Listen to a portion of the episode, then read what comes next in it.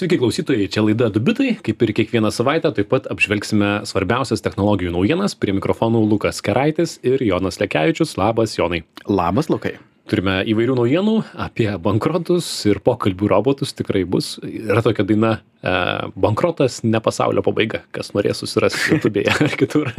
Yra ir kita nauja daina. Yra ir kita nauja daina. Mes jums esame pasakoję, kad Bitlai ruošiasi išleisti naują dainą. Kaip tai gali būti grupė, kuri nebeegzistuoja kartu 45 metus, išleidžia naują dainą, ogi su dirbtinio intelekto pagalba apie tai pasakojom ir ta daina jau išėjo kurioje tiesiog panaudotas dirbtinis intelektas išryškinant atgaminant balsą džono lenono kuris Mhm. įrašytas į seną kasetę ir tiesiog išryškintas Taip, ir, ir, ir dirbtinis intelektas atskyrė, didžiausias iššūkis, pirmi bandymai buvo dar 90-aisiais, man regis, atskirti tą balsą nuo fortepijono, Taip. bet to nepavyko su tuo metinė technologija, o dabar pavyko.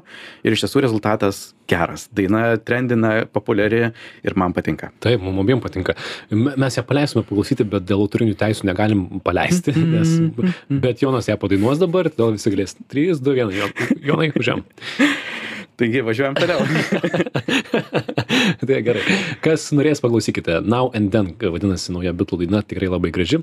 O tokia pirmoji svarbesnė ir didesnė naujiena tai yra iš OpenAI, tai yra ChatGPT kuriejų, kurie turėjo pirmąjį kartą savo programuotojų konferenciją, pavadintą Dev Day, ir ten pristatė įvairių dalykų. Wow, koks kreivas džinglas. Jie pristatė daugybę naujienų apie praktiškai visus savo produktus, nuo, aišku, populiariausiojo ChatGPT, net iki atviro modelio Whisper atnaujinimo. Pasigyrė savo vartotojų skaičiais, nes turi ko girtis, e, turi oficialiai 100 milijonų vartotojų, kurie kiekvieną savaitę išbando ChatGPT, tai tikrai neblogas e, pasiekimas. Tikrai. E, Dar įspūdingesnis man pasirodė 2 milijonai programuotojų. A, nežinau, vėlgi, kaip jie tą skaičiuoja, gal ir mane priskaičiavo, nes aš turiu prieimą prie vartotojų programavimo jų e, sąsajos, bet 2 milijonai tai yra tikrai didelis skaičius kaip naujai industrijai ir nau, naujam produktui, naujai platformai. 92 procentai Fortune 500 kompanijų a, sako, jog naudoja jų produktus. Tad e, faktas, jog jie tikrai yra AI pasaulio karaliai ir turi kuo girtis. Taip, na ir kad jau padarė savo konferenciją, kur gali kalbėti vien apie save, tai iš esmės įsitvirtino tarp tech kompanijų kaip vieni didžiųjų. Taip. Pagrindinė naujiena, kurią pristatė, tai yra naujas jų kalbos modelis GPT-4 Turbo. Um, vėlgi, čia GPT šiuo metu veikia arba 3.5 arba tiesiog ketvirto pagrindu ir GPT-4 Turbo yra toks, na, tur, paturbinimas, neblogas. um, techniškai didžiausias pasiekimas yra taip vadinamas konteksto lango praplėtimas arba kokią, kokį dydžio atmintį turi tas kalbos modelis. Anksčiau jisai buvo 8000 žetonų arba tokių žodžio dalių ir jie padidino daug kartų iki 128 tūkstančių. A, Dabar tą lygina kaip su 300 puslapio ilgio knyga, kurią tiesiog gali duoti dirbtiniam intelektui ir jis ją iš karto išmoksta mintinai ir gali tau atsakyti bet kokius klausimus. Tai bus labai naudinga. Mhm. Ar tai reiškia, kad tokio ilgio promptą vadinamai, tai yra įvesti gali duoti, ar tiek iš viso jisai konteksto gali suprasti vienu metu? Um, gali teoriškai tą duoti tiesiog kaip vieną gigantišką 300 puslapio ilgio promptą, bet tai yra turbūt naudingiau um, kaip te, pavyzdžiui, ilgesniam testiniam pokalbiui. Mhm. Galbūt išnaudoji šimtą puslapių įvesti į kažkokį kontekstą, bet tai reiškia, kad tu vis tiek turi 200 puslapių knygos, tęsti pokalbį, vystyti informaciją ir taip toliau. Jis iš tiesų didžiulis pasiekimas, kuris atrakins labai daugą. Pavyzdžiui, gali jam duoti, nežinau, visą kažkokią pokalbio transkripciją ar pilną dokumentaciją ir duoti jam klausimus tada apie tą turinį, kuri, apie kurį anksčiau nieko nebuvo žinojęs, o dabar gali viską atsakyti. Ir manau, pereisime prie to testinio pokalbio, kur galėsime Mhm. tiesiog tęsti vieną pokalbį su savo asistentu ir jis žinos, ką mes klausime prieš tai, kas mums patinka ir taip toliau. Didelis pasikeitimas yra treniravimo duomenų surinkimo data. Jau mūsų visų mintinai išme, iš, išmoktas, išmokta data 21 metų rugsėjas, jau nebegalios. Tai nauja data yra 23 metų balandis. Ir sako, jau daugiau niekada neapsileis taip smarkiai ir bandys sekti ir atnaujinti šiek tiek dažniau. Kitas technologinis pakeitimas sujungia savo visus režimus į vieną. Dabar jeigu naudojasi tais jų papildomais režimais kaip dalį 3 arba na- naršymo arba kodo vykdymu, tu turi pasirinkti, kurį iš jų nori. Dabar jie visi veiks iš karto, kartu. Ir pats intelektas nuspręs, ar jam reikia paveiksliuką sugeneruoti, ar nori internetą naršyti. Mhm. Kaip ir buvo galima to tikėtis, ar ne? Dar reikia paminėti, kad tai visa, na, tik dar pasirodys, ar ne? Kad turbo dar šiandien, kai mes įrašinėjom, neišėjo, bet, na, kelių savaičių bėgiai greičiausiai jau bus galima išbandyti. Taip, a, plus prenumeratoriams iš, iš pradžių, nes vėlgi tik jie turi prieimą prie čia GPT-4. Mhm. A, Kiti aktualūs dalykai programuotojams yra, jog žymiai pigiau, nuo 2 iki 3 kartų pigiau naudoti. Ir toks e, programuotojams aktualus dalykas yra JSON režimas, kur atsako duomenų struktūromis ir consistent režimas, kur jisai nieko nedaro atsitiktinai, viskas yra labai nuspėjama ir tuomet gali, na, geriau tą vystyti kaip produkto infrastruktūrą. Manau, pamatysime žymiai daugiau tiesiog produktų, kurie tiek, tiek dėl kainos pokyčio, tiek dėl šitų technologinių pakeitimų pradės naudoti naują kalbos modelį. O dabar be ne įdomiausias stilius, ar ne? Taip, ne vien tik programuotojams visą tai buvo, jie taip pat pristatė ir ką naujo e, padaro savo šiaip čia GPT platformoje ir naujiena yra tai, ką jie vadina GPTs arba GPT-ukai, pavadinkim taip, Agentukai. agentukai. Pirmas žingsnis tikrai į tokius jų agentus ir mintis yra, jog kiekvienas gali susikurti savo asmeninį specializuotą GPT. E, Gali jam duoti pavadinimą, gali jam duoti avatarą, kaip jis atrodo. Svarbiausia dalykai, ką jam gali duoti, yra kalbėjimo instrukcijas, kur paaiškini jam, kaip jis turėtų elgtis, į kokius klausimus jisai nori atsakyti, kokius nenori. Ir taip pat jam gali duoti unikalią informaciją. Pavyzdžiui, įkelti daug užrašų ar kažkokios kitos informacijos ir tai įeis į tą konteksto langą, kuris jau žinos, e, kaip atsakyti kažkokius klausimus. Jie demonstravo daug visokiausių pavyzdžių. Pavyzdžiui, GPT, kuris žino viską apie šuniukų priežiūrą, arba GPT, kuris tau padeda kulinariniais klausimais. Tai vėlgi tokie pažįstami scenarijai ir ateitis yra ne vienas čia GPT, o daug GPT-ukų. Taip, galima įsivaizduoti, kad anksčiau tai pasiekti buvo galima galbūt per na, GPT API, ar ne? Tikriausiai per, na, kas norėjo, kas mūsų pro, suprato programavimą, galbūt kažką galėjo panašaus susiprogramuoti į tą pusę. Tačiau to limitas visą laiką buvo tas konteksto langas, kiek Taip. daug informacijos A, gali suteikti. Mhm. Nes jeigu gali jam duoti tik tai 4 ar 5 puslapius, na, nieko labai daug neišmokysi. O dabar, wow, gali išmokyti jį būti bet kokios ryties ekspertu. Taip, dabar iš esmės, na, moksleiviai, vaikai galės imti susikurti savo pokalbio robotą, kuris padėtų jam daryti namų darbus, ar ne? Visiškai. galima įsivaizduoti. Mes patys galėtume susikurti savo dviejų bitų GPT. Dviejų bitų GPT ir e, ne, neatskirsite, kad mes jau iš tikrųjų Bahamose atostogaujam, o čia kalba kažkas kito. Taip, ir net bus tokia GPT parduotuvėlė, kur bus galima atrasti juos ir sako, geriausiems kuriejams net kažką mokės. Aišku, nebus tas modelis kaip App Store, kur a, pats pardavinėjai ir didžioji dalis keliauja tau, a, vėlgi OpenAI pasims didžiąją dalį pajamų, bet skatinimas kuriejams eksperimentuoti ir kurti kažkokius e, naudingus įrankius. Mhm. Nors antraštės ir buvo, ar ne, kad OpenAI makes a app store for mm, chatbots, vos ne kažkas tokio, kad, na, daro mm, parduotuvę pokalbių robotams, taip supaprastintai antraštės skelbi. Mhm. Bet tai kažkas į tą pusę einama. Bet šiaip ar taip, visą ką pasakojama, įdomu, kad mes prieš metus, ar ne, Jonai, kai visą tai pasirodė, na, žiemą taip ir kalbėjome, kad tai yra žingsniai link to asmeninio asistento, kad pagaliau bus galima duoti savo duomenis ir, ir laukiu išbandyti. Dar reiks Mhm. palaukti, ar ne, šiek tiek, bet laukiu išbandyti. Paskutinė įdomi naujiena, manau, ką jie pristatė, yra tai, ką jie vadina uh, autorinių teisų skydų arba copyright shield. Tai yra, jie sako, jog teismuose gins tuos, kuriems bus iškeltos bylos dėl autorinių teisų pažeidimo, jeigu jie naudojo kažką OpenAI sugeneruotą informaciją ir kažkas sako, o čia pažeidė mano autorinės teisės. Tai pats OpenAI gins teismuose kaip tokia pažadas, jog viskas, ką jie daro, yra gerai. Uh, įdomus pažadas. Taip, manau, kad jį reikės atstovėti anksčiau ir vėliau gali, gali tekti. Taip. Bet, bet, na, tuo pačiu visai ir logiška, kad jie stovi už savo produkto. Baigiant šitą temą, dar galim paminėti, jog um, OpenAI turi naują konkurentą. Elno Musko XAI išleido savo pirmą kalbos modelį Grok. Uh, sako, nenaudokite jo, jeigu ne, nemėgstate humoro. Žodžiu, uh, toksai turbūt su su prieskoniais gali būti tas dirbtinis intelektas, mažiau apribojimų, pačiam Maskui, sako, nepatinka OpenAI ir čia GPT politkorektiškumas, jisai nori, jog tai būtų naudinga žmonėms, e, kurie turi bet kokius politinius požiūrius. Ir turbūt įdomybė yra tai, jog jis turės realaus laiko informaciją pagal X socialinio tinklo informaciją. Twitterio. Twitter'e. Bet tiesiog aš manau, kad reikia įsivaizduoti, kad tai yra pokalbių robotas tiems, kurie nori naršyti po Twitterį. Na, tai vien, vienas iš pa, pa, palaikymo būdų tikriausiai, ką galima naudoti. Įsivaizduoju, jeigu esi žurnalistas, tai tikrai gali greitai susigauti naują informaciją. Na, Maskas kaip tokį privalumą pristato, kad jisai bus a, mažiau politkorektiškas ir daugiau jokingas ir ten trauks per dantį tą veną, kur ten davė pavyzdį, kad jeigu paklaustum, kaip pasidaryti kokainą, jisai ir sako, na tai paimk chemikalų dabar Taip. ir užsipilk ant galvos, ar ne, kažkas tokio žodžiu. Būtent. Aštresnis toksai. Sakau, juokavom čia, kad reikėtų jau pradėti daryti kažkokį um, chatbotų e, naglumo indeksą nuo 1 iki 10. Tai Kiek daug būt- sau leidžia. Šitas būtų aukščiau, nes jau čia GPT tai jis vis palikt korektiškėja, matyti, ir, ir to bus tik tai daugiau. Tai va, tai tikėkime po kelių savaičių ar ne po mėnesio galbūt bus galima išbandyti, Mm, išbandysim ir papasakosime, kaip viskas ten vyksta. Mhm.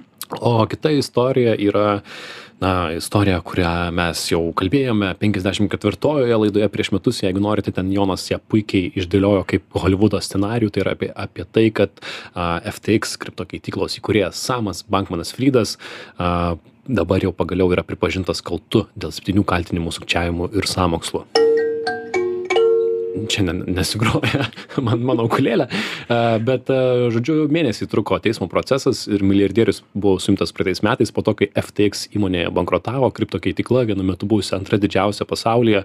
Ir dabar maksimali bausmė Semai, kuris dar vadinamas SBF sutrumpintai, gali siekti netgi 110 metų kalėjimo, nors labiau tikėtina, kad tai bus na, dešimtmečiai tikriausiai. Mhm. ir dar taip pat tikėtina, kad jisai sprendimą skūs ir tikėtina, kad vis tiek gaus kažkokią baudą, nes na, dėl visko buvo pripažintas kaltas, o kai pagalvoju, prieš dar metus ar du šio žmogaus turtas buvo vertinamas 20 milijardų dolerių, e, žmogus tikrai ekscentriškas, smagu prisiminti tas jo interviu, kuris jis, jis duoda nuotoliniu būdu žaisdamas kompiuteriu, jo namai Bahamose, na, netgi knygoje apie jį vienoje rašoma, kad ir tai jau tokia, na, populiari istorija, kad jisai bandė vienu metu sumokėti prezidentui Trumpui, kad nebekandidatuotų į prezidentus ir neva iš jo komandos gavo skaičių, kad 5 milijardai dolerių ir, ir prezidentas nekandidatuos. Tai netgi, netgi SBF-ui tai buvo per didelė suma, bet čia be abejo niekas nei patvirtins, nei paneigs. Tai šiek tiek konteksto, jeigu kažkas neatsimenate, tai FTX e, antra didžiausia kriptovaliutų keitikla pasaulyje, Samas Friedmanas tarp 5, 50 turtingiausių pasaulio žmonių patekdavo ir vienu metu buvo nutekinta, kad e, Frido verslas dalį savo pinigų laiko FTX žetonų pavydalo, tai yra jo kita kompanija Alameda, kas yra labai netvaru ir nesažininga kitų, kitų e, skolintojų atžvilgių. Tikrai taip, net galima sakyti, jog jie sukuria savo valiutą ir tada apsibrėžia savo pačių turtą savo pačių sukurtais pinigais. Tai toks truputį svajonėmis grįstas turtas. Be to, kad visa buhalterija buvo chaotiška ir nesažininga ir visokia kitokia.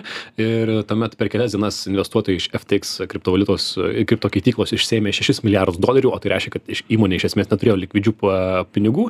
Ir prokurorai apkaltino SBF, kad jis melavo investuotojams, vogė pinigus iš FTX ir kad įvykdė vieną didžiausių finansinių sukčiavimų Junktinių valstybių istorijoje. Kalbama apie 10 milijardų dolerių. Jo advokatai bandė pa, paneigti kaltinimus, ne va tai vienkartinė buhalterinė klaida, o nesukčiavimas.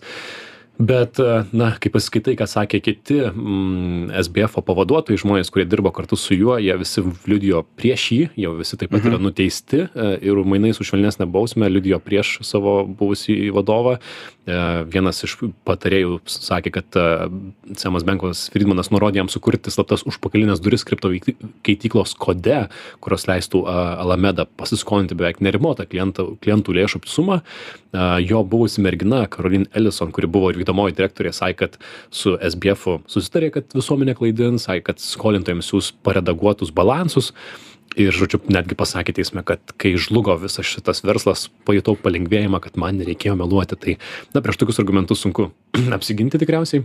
Iš tiesų, prokurorai padarė labai gerą darbą, bet jiems ir nebuvo labai sudėtinga tą pa- pasiekti, nes viena tai yra tikrai daug įrodymų, kiek jie akivaizdžiai tiesiog melavo, jie, jie turėjo grupinius uh, pokalbius ten pavadinimais apie klaidingi, mel- melagingi pavedimai tiesiog.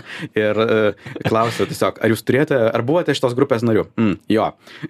Taip. Kitas dalykas, jog vėlgi jo beveik visa komanda supratusi, jog laivas eina žemyn, e, na, visi liūdėjo prieš jį, bandydami savo pačiam gauti geresnę kažkokį sandorį. Tad, Taip. Arba Buvo tokia, aišku, kas tokia bus. smagi detalė, kad e, paklaustas teisme, ar, ar SBF siuntė kolegom žinutę fuck regulators, neišversi iš to žinutės, ką jinai reiškia, bet, na, pasiuntė regulia, reguliuotojus, jisai sakė, na, taip, vieną kartą tai prašiau. Mhm. tai sunku prieš tai e, paskui atstovėti tikriausiai. Pripažino padaręs dėlių klaidų, pavyzdžiui, niekada nesudarė rizikos valdymo grupės. Turi dešimtis, dešimtis milijardų dolerių valdai ir, ir žodžiu, na, ta istorija tokia, na, tikimasi, kad po šitos istorijos kriptovaliutų rinkos priežiūra taps dar griežtesnė, nes tai, na, tai, tarsi jisai šiek tiek ir simbolizuoja visą tą, ar ne, kas vyko prieš tus praėjusius čia 50 metų. Mhm. Ir, na, dar prokurorė dar spręs, ar bylą nagrinėti toliau, bet galtinis nuosprendis kovo mėnesį bus priimtas. Bet um, jeigu kažkam įdomu, tai 54 laidoje visas kontekstas Jonas puikiai sudėliojo. Mhm. Šiaip jis palaikymo neturi iš nei vienos pusės, nes aišku, tiem, kam nepatinka kriptovaliutos, tai mato jį kaip tikrai tokį labai patogų taikinį, kur galima parodyti štai kaip viskas yra blogai, bet ir pačiame kripto pasaulyje niekas nemėgsta SBF, nes, uh, na, jis yra tai kas yra blogiausia apie visą tą kripto industriją ne kažkokia tikrai technologinė inovacija o grynai kainų manipuliavimas ir tiesiog keitimas oro į orą. Galų galia netgi tas sukčiavimas, jis nebuvo kažkuo labai ypatingas, jis buvo, na, kaip, kaip ir sakė patys prokurorai, toks senas, geras sukčiavimas, nebuvo ten technologiškai kažko tokio ypatingo. Tai va, e, žinių radio klausytėjim priminsime, kad girdite laidą Dubitai, kalbame apie svarbiausias praėjusių kelių savaičių naujienas ir dar viena bankroto istorija, pakalbėjome apie FTX kriptovaliutą, e, kriptokeityklą, o dabar apie e, dalymosi biuro erdvėmis įmonę WeWork, kuri, tai yra mes dirbame, kuris skelbia bankrotą šią savaitę sugrojau teisingai. Tai šita įmonė du tūkstančiai devynioliktais metais buvo vertinta keturiasdešim septyniais milijardais dolerių. Ji buvo didžiausia niujorko ir londono biurų nuomotoja ir dar prieš metus turėjo beveik aštuonis šimtus lokacijų keturiasdešimtyje šalių daugiau nei pusę milijono narių. Um, aš europoj keliaudamas matydavau jų jų biurus ar ne? Tikrai galėdavai aš esu dirbęs keliuose tikrai netgi smagūs biurai. Netgi skaitant naujienas apie šitą bankrotą ten The Guardian rašo beje mes nuomojam iš jų biurą vis dar. Tai žodžiu tikrai didžiulis verslas ir jų verslo modelis buvo labai paprastas. Nuomokis nebrangiai ir ilgam išnuomok brangiau dar ir ir trumpam. Iš esmės tai buvo kovorkingo na tokie sakykim lyderiai ir pradininkai. Įdomu kad nuo pat pradžių jie save pozicionavo kaip technologijų kompanija. Vat čia man atrodo ir yra šuo pakastas visoj šitoj ir istorijoj. būtent iš čia ir yra tas e, kosminis įvertinimas. Nes šiaip nekilnojamo turto įmonės neturi tokių kosminių vertinimų. Taip. bet jeigu pradedi taikyt technologinius kažkokius augimo skaičius gali sau užpūst burbulą ir burbulą jie išpūtė. Taip. Jų vizija buvo kad tai bus uh, socialinis tinklas offline. Tai yra jeigu klausytume jų įkūrėjo interviu jisai sako ne ne čia tikrai nepaprasti biurai čia yra apie vaibą apie energiją čia yra ateitis čia mes tikrai ne tiesiog nuomojam kvadratūrą. jis net yra pasakęs, nori pakelti pasaulio sąmonės lygį. Taip, jis daug yra pasakęs, tai pradėkime nuo pradžių. 2001 metais į New York atvyksta Izraelio kibuce augęs būsimas WeWork įkūrėjas Adamas Newmanas. Jisai charizmatiškas, vėliau pamatysim, ilgaplaukis, interviu visuomet pozityvus, ambicingi, visi aplinkiniai sako, kad labai charizmatiška asmenybė. Jis yra minėjęs, kad nori būti pirmuoju triljonieriumi, kurio kompanija atsidarytų Marse. Štai tokie vat kuklus norai. Ir jis turėjo jų kitų verslo idėjų, iki tol, pavyzdžiui, darė moteriškus batelius su užlenkiamu kulniuku. Žinau, skamba kaip gera idėja. Kūdikių kelnes su paminkštinimais keliais. Pavyzdžiui, tokia buvo jo verslo idėja.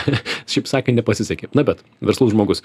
2008 metais, taupydamas savo biuro erdvės išnuomoja kitiems, sutarė su vieno tuščio pastato savininku išdalinti aukštus ir išnuomoti. Ir palengva viskas atsispiria jau du tūkstančiai dešimtais metais parduoda šitą verslą atsidaro WeWorką atsidaro tūkstančiai tryliktais metais turi tris šimtus penkiasdešim startuolių tarp savo klientų jų tie visi WeWorkai tikrai smagūs kava nemokama dar prieš dešim metų tai buvo naujiena kad štai čia alus nemokamas čia mes turim stalus na visus smagiausius dalykus kokius tiktai galima turėti būti. Tryliktais metais jie tampa greičiausiai augančia erdvių nuomotoja niujorke šešioliktais pritraukia keturis šimtus trisdešim milijonų dolerių ir yra vertinami šešiolika milijardų ir na kodėl jiem taip sekasi tai viena iš priežasčių kad po finansų krizės du tūkstančiai aštuntais metais nemažai laisvų darbo erdvių ir jie atsidarė labai geru laiku ir geroje vietoje nes praeitą dešimtmetį šita sritis tiktai augo. Mažos palūkanos daugėja digital nomads ar ne nes pagaliau internetas geras. Tikrai du tūkstančiai dešimtais metais tai buvo gana nauja dirbti su laptopu bet kuriame pasaulio krašte. Ir be abejo jie visą laiką pozicionavo kad tai ne tik ofisas tai bendruomenė kultūra energija kaip sakė jisai savo interviu tai yra apie žmones arba tu pajauti arba supranti arba ne. Judėjimas kuris keičia kaip žmonės dirba. Ir iš tikrųjų prisidėjo prie kovorkingų iškilimo. Aš manau kad vilniuje tai mes tuos kovorkingus pradėjome matyti kai septynioliktais aštuonioliktais Mhm. metais ar ne kas amerikoje ir europoje štai vyko jau tryliktais keturioliktais šešioliktais ir panašiai Jie Man regis kokiais 19 aš net girdėjau gandų, jog WeWork planuoja ateiti į Vilnių ir visi buvo, o, galbūt tai įvyks, bus labai cool. Neįvyko. bet jie Neįvyks. Bet jie pramušė šitą sritį tikrai. Ir jau, jau vienu metu pradėjo, na, jiem taip sekėsi, kad jie atidarinėjo visokias uh, darželius, mokyklas, pirko dizaino mokyklas, uh, visokių keistų dalykų darė. Mm, Dar tokia įdomi istorija, kad 2016 metais, ten šiek tiek nepasisekė, reikėjo atleisti 7 procentus darbuotojų, yra aprašytas jų susitikimas, kai tas vadovas sako, na, liūdna, kaip ką darysi, bet yra kaip yra. Ir po to pokalbio uh, visi geria tekilo šotus ir į kambarį įeina Run DMC reperiai ir visiems padainuoja It's, it's risky dainą, kad tai, tai, tai rizikinga. Nes tai buvo žmogus, kuris mėgsta vakarėlius, mėgsta tekilą, kaip rašo portalai, mėgsta marihuaną ir panašiai. Bet uh, 17 metai buvo svarbus, SoftBankas investuoja 4,5 beveik milijardo dolerių, tad startuolio vertė yra 20 milijardų dolerių. 2019 metais investuojama dar, nors tai vis dar nėra pelninga kompanija, BBC rašo, kad per valandą jie išleidžia 200 tūkstančių svarų. Žodžiu, tarp kito, konkurentai Londone, IVG kompanija tuo metu 19 metais lenkia Vivorką ir kvadratinių metrų skaičiumi, ir prenumeruotojų, ir lokacijų, ir šalių skaičiumi, ir pajamomis uždirba pusę milijardų dolerių, uh, uždirba pusę milijardų dolerių, kai mm, Vivorkas 2 milijardus minuso padaro per, per metus ar kelis, bet Britų kompanija vertinama 13 kartų mažiau, kas jau buvo toksai signalas, kad kažkas čia Mhm. ne taip, ar ne? Pagrindinis būtent tas magijos triukas, kurį padarė Neumanas, buvo, jog sugebėjo įtikinti investuotojus vertinti nekilnojamo turto kompaniją kaip technologijų Mhm. kompaniją, kas yra ganėtinai skirtingi kriterijai. Tai, žodžiu, tai Adamas Newmanas tuo metu skraido privačiu lėktuvu, stato tekilo šotus labai plačiai, vienu metu sakė, norėjo būti Izraelio premjeru, na ir kaip jau pasakojo, viskas šiek tiek per gerai, kad būtų tiesa. Ir kai įmonė ruošiasi daryti IPO, tai yra viešą siūlymą ir tapti viešai lisinguojama kompanija, tad realiai susikrauti dar daugiau turto, jie paviešina dalį savo finansų ir tuomet visi analitikai ir kas tik tai žiūri į tos dokumentus, žiūri, kad galai nesusiveda, nes patyrė beveik 3 milijardus nuostolį per 3 metus, ką jie sako, mes investuojam į augimą, bet šiaip ar taip turėjau gausybę įsipareigojimų į ateitį ir mažai planuojamų nuomos pajamų, a, daugybė klausimų apie tai, kaip vadovas, kaip jo yra santykis su įmonė, kadangi, pavyzdžiui, jisai nusipirko į- po prekės ženklą Wii ir pardavė savo įmonėje už 6 milijonus dolerių. Mhm. Tai ir arba jisai nuomoja, pavyzdžiui, keturis pastatus, kuriuos pernuomoja įmoniai, kas visiems kelia daug įtarimų. Tai tas IPO tuo metu neįvyko, pradėjo kristi kaina. 2021 metais visgi įvyko IPO, nors tuo metu buvo vertinamas jau vos 9 milijardais dolerių ir šiais metais akcijos nukrito 100 procentų. Tad realiai įmonė krito, krito žemyn. Be abejo, COVID pandemija nepadėjo šitam verslui, tai tikrai.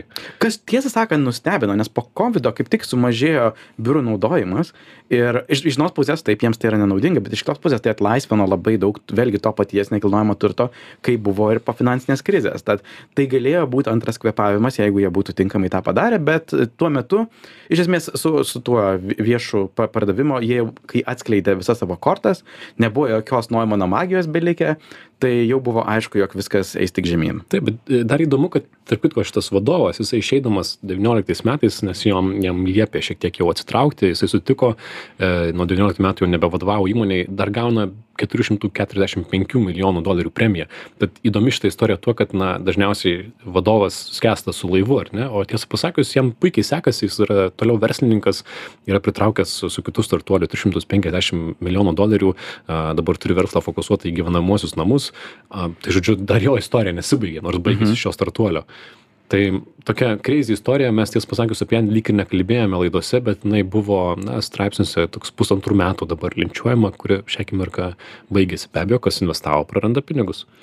Ir tiesą sakant, tame kontekste dar labiau stebina, jog vėlgi jo nauja kompanija Flow apie gyvenamosius namus yra tas pats magijos triukas, kartojamas antrą kartą, kuris sugeba nekilnojamo turto verslą įtikinti, jog čia visgi yra technologinis startuolis, kuris auks dešimt kartų kiekvienais metais, kas taip neveikia nekilnojam turte. Tai labai įdomu vėlgi, kaip žmonės, kaip ta magija neprapuola ir tie charizmatiški įkūrėjai sugeba išlaikyti kažkokią savo reputaciją. Taip, yra aprašytas tas jo e, susitikimas su SoftBanko vadovu vadovu. Matajoshi San. Taip, kuris, na, stovi ant didelio pinigų krūvos tikrai ir, ir pasakojama, kad Adamas Newmanas jam pristatė visą viziją, kaip čia mes pavarysim su tai biurų nuoma ir jam SoftBank vadovas sako, padarykime taip, tik dar stipriau. Ir jie tokie, na, tokie ma- mačo dvi susitikę, kurie labai norėjo gerai pavaryti, bet ne visai gavosi. Įdomu, kiek galų galę SoftBankas iš viso to prarado pinigų, nes turėjo prarasti visai. Beveik nemažai. viską. Beveik viską. Tai štai tokia pamokanti istorija, kaip nedaryti, kaip laidos pradžioje ir sakiau, yra tokia laida, e, daina, bankrotas ne pasaulio pabaiga. Kitą kartą reikės paleisti. Bet dėja, tikriausiai daugiau ir nebespėjom naujienų pasakyti, ar ne? Taip. Tai čia šiandien ir sustosime. Baigėsi laida Dubitai ir mūsų laidas rasite, mūsų šaltinius rasite dubitai.com svetainėje, kaip visuomet per Spotify ir kitur klausykitės mūsų žiniųradijas.lt taip pat yra laidų nuorodos. Čia buvo Lukas Kiraitis, Jonas Lekevičius. Sakom, iki kitos savaitės grįšim su naujienom. Iki. Iki.